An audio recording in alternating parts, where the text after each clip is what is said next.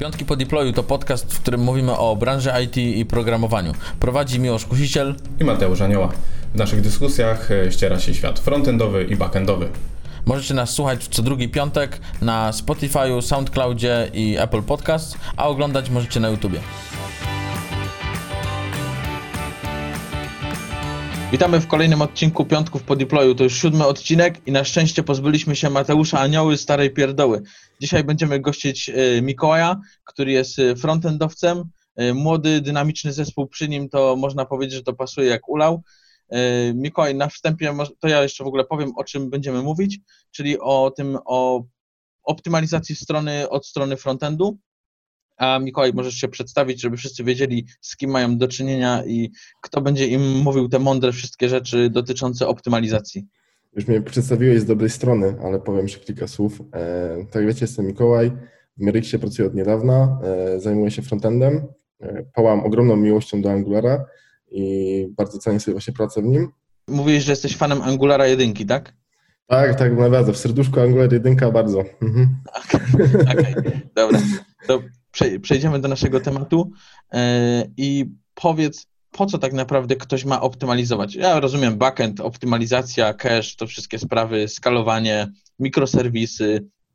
Widziałem, że frontend pozazdrościł oczywiście mikroserwisów i jest mikrofrontend, ale po co tak naprawdę optymalizować aplikację? Co to w ogóle znaczy optymalizować aplikację według Ciebie?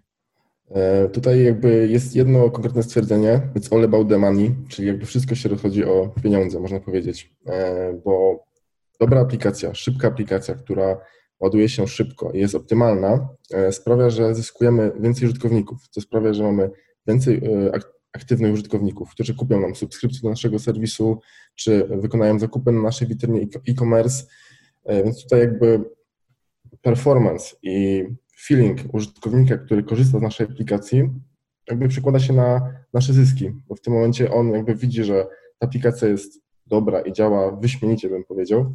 Mhm. W tym momencie jakby zostanie na tej stronie dłużej. Okej, okay. a co masz na myśli, co można zrobić tak naprawdę z samym frontendem? Albo w ogóle mieliśmy odcinek też o Legacy Code, do którego zapraszam do posłuchania, jeżeli ktoś nie słuchał. E, to co można, jak, w jaki sposób można sprawdzić, czy ta strona jest tak naprawdę niewydajna, czy ona działa źle i niepoprawnie? Bo my możemy mieć dobre odczucie jako deweloper, to mamy na pewno e, fantastyczne i nie ma żadnych bugów w aplikacji, a, a tak naprawdę są jakieś narzędzia, które umożliwiają sprawdzenie tego i zweryfikowanie naszej, naszych stanów wiedzy na ten temat?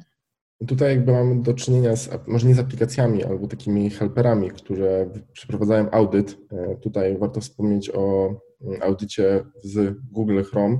W zakładce Developers mamy taką właśnie audit Lighthouse, który właśnie sprawdza, jak nasza aplikacja zachowuje się, czyli jak długo, jak jest, ile jest potrzebne czasu na załadowanie jakby pierwszego kontentu i w tym momencie są wyliczane po prostu statystyki, które obrazują, czy rzeczywiście ta aplikacja jest optymalna. Dodatkowo jakby e, pod tym audycie e, są też jakby pokazywane elementy, które mogą jakby powodować e, gorszy performance tej aplikacji. Tego fajnie jest skorzystać z takiego narzędzia. No, narzędzie jest jakby wbudowane w każdego Chroma i tylko wystarczy dwa kliknięcia i w tym momencie jakby wiemy już, jak ta strona się zachowuje.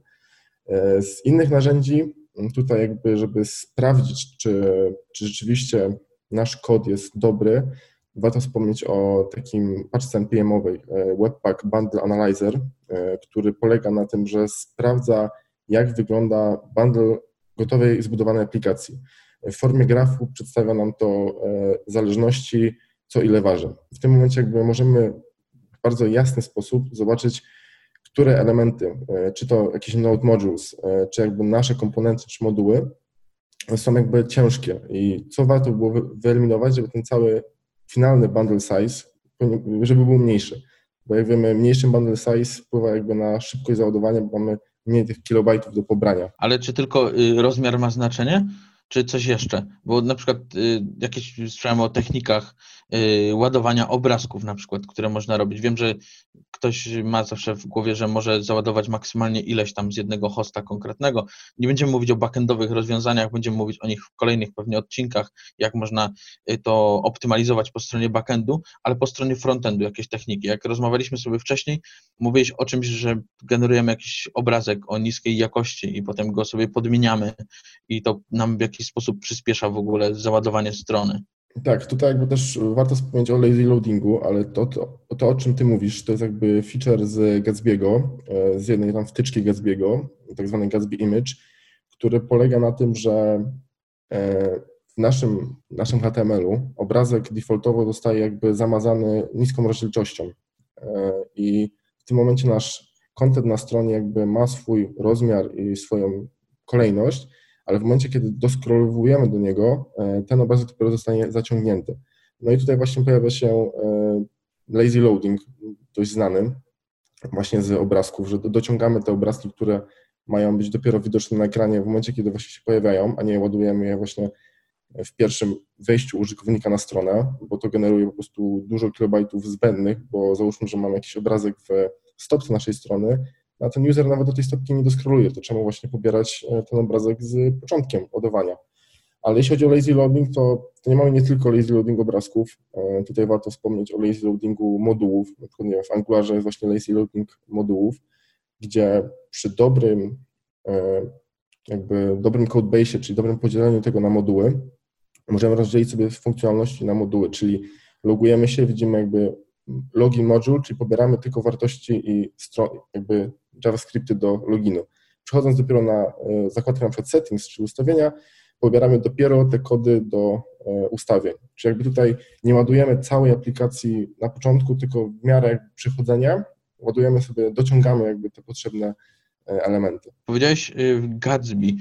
Nie wiem, czy wszyscy wiedzą, co to jest, bo to jak dla mnie backendowca to jest to twór, który po prostu wszystko sprowadza się później do samego HTML-a i CSS-a. Jakbyś mógł powiedzieć pokrótce, za co jest w ogóle odpowiedzialny Gatsby? Tak trochę te frameworki wyglądają, że tak jak finalnie to jest HTML, JS i trochę CSS-a. E, ale czym jest Gatsby? Gatsby jest open source'owym projektem opartym na Reactie, gdzie piszemy jakby w Reactie. Tyle, że taki mały kruczek, że to nie jest framework, który renderuje e, po stronie czy klienta, czy serwera, tylko jest to generator stron statycznych. E, czyli jakby nasza strona jest już generowana w momencie kompilacji i tworzenia jakby builda finalnego, mamy już tą stronę statyczną gotową. To znaczy strona jest statyczna dosłownie, że wszystkie pliki, które wrzucamy na serwer są jakby już gotowe i widoczne dla użytkownika. Tutaj nie mamy sytuacji, kiedy wchodzimy na stronę i czekamy, aż taki Angular czy React e, przeprowadzi proces renderingu, żeby wytworzyć te elementy u nas na ekranie przez JS-a, tylko normalnie wchodząc na serwer, wchodząc na stronę, pobieramy już gotowy plik index.html, który no ma już ten kontent gotowy. I w tym momencie tracimy ten czas potrzebny na ładowanie, on znika w tym momencie. Jak ja sobie pomyślę o takich korzyściach w ogóle y, optymalizacji aplikacji od strony frontendu, czyli takiego, jak to nazwałeś, feelingiem y, dla, dla użytkownika końcowego, y, to też myślę o takim SEO, wszyscy maniacy SEO, którzy wróżą z kuli po prostu i nie wiedzą czego się z, z uczepić, to zawsze mówią, że a, twoja strona wolno działa i przez to Google y, widzi to jakoś jako gorszą stronę. I pewnie, pewnie tak jest. E, tylko czy tak naprawdę robiąc aplikację w Reakcie czy, czy w Angularze y, mamy w ogóle jakiś ten wpływ na to, na to SEO tak naprawdę? Bo wiem, że no, jak dostajemy z, na, na, z frontend, po stronie frontendu, dostajemy HTML-a bardzo biednego i potem jest to JavaScriptem wypełniane, tak? To, to mamy jakieś opcje na to, żeby ta strona była już wygenerowana jakimś HTML-em, który będzie mógł być um, przeskanowany przez, przez bota Google'a, przeparsowany? Tutaj właśnie jak powiedziałeś, ten proces tworzenia tego e, dzieje się u klienta. Jak wiemy, roboty Google'a źle na to działały i źle te strony indeksowały, bo dla nich był to po prostu pusty plik HTML, który nie miał treści.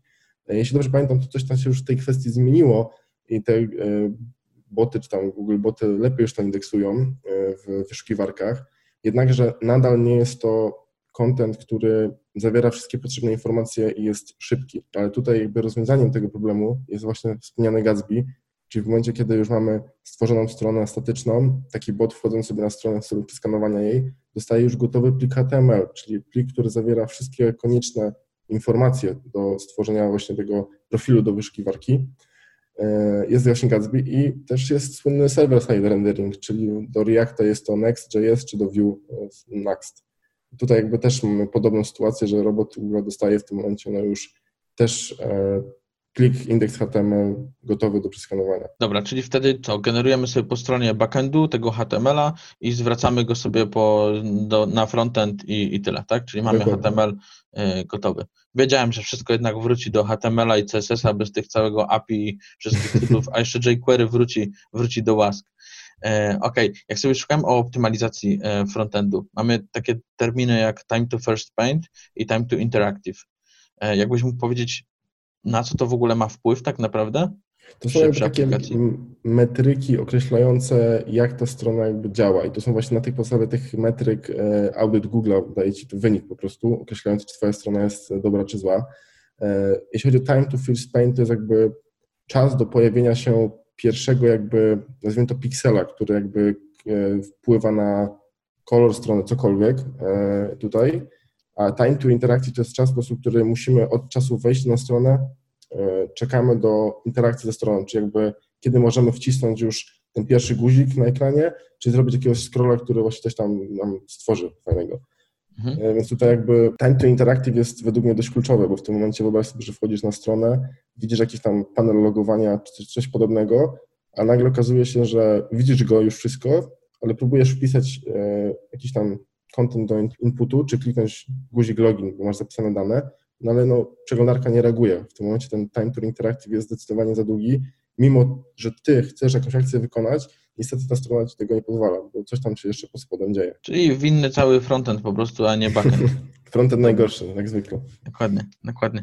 E, Jak y, wcześniej rozmawialiśmy, mówiłeś o, mi o przykładzie Netflixa, e, który ma fajne case study, e, które można było przytoczyć tutaj, co oni zrobili, żeby cały Netflix, w sensie cały Netflix, frontend Netflixu działał dużo, dużo lepiej i szybciej. Jakbyś mógł powiedzieć pokrótce.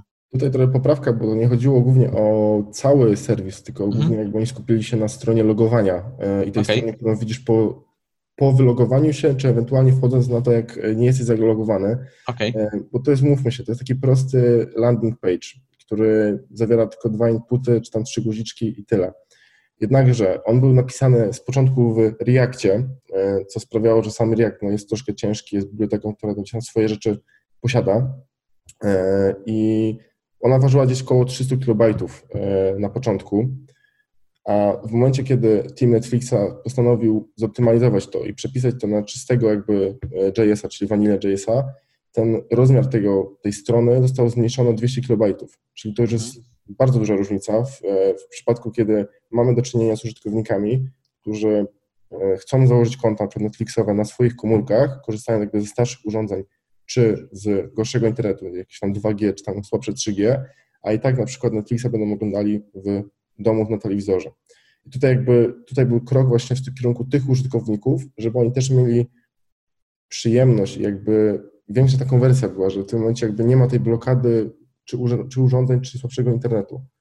I to jakby wszystko się opierało na tym, żeby zm- zmniejszyć e, jakby ten bundle size, który on był dość duży, no mówmy się, ten React 300 kB to jest dość dużo, jeśli chodzi o transfer 3G, czy za pomocą e, właśnie starszych urządzeń, zmniejszenie po prostu tego całego size'u i dodatkowo zmniejszenie ilości kodu, jakby ilość linii kodu w tym momencie też się zmniejszyło. Jak sobie tak myślę o tym, e, co teraz mamy jako koronawirusa i słyszałem o zmniejszeniu jakości e, na HBO i tam chyba Netflixie dla, dla klientów z Europy, to tak sobie e, próbuję to powiązać z czymś. Ja bym tu winił jednak e, frontendowców, że oni wrzucili wszędzie Reacta, wrzucili wszędzie wszystkie frameworki, które są ciężkie, a moglibyśmy mieć lepszą jakość, a, a, nie, a nie tutaj jakieś Reakty, Angulary i tak dalej, więc y, ja bym tu winił jednak, Ale jednak też tutaj jakby jest y, sytuacja taka, że zastanówmy się, czy rzeczywiście jak oglądasz ten filmik, e,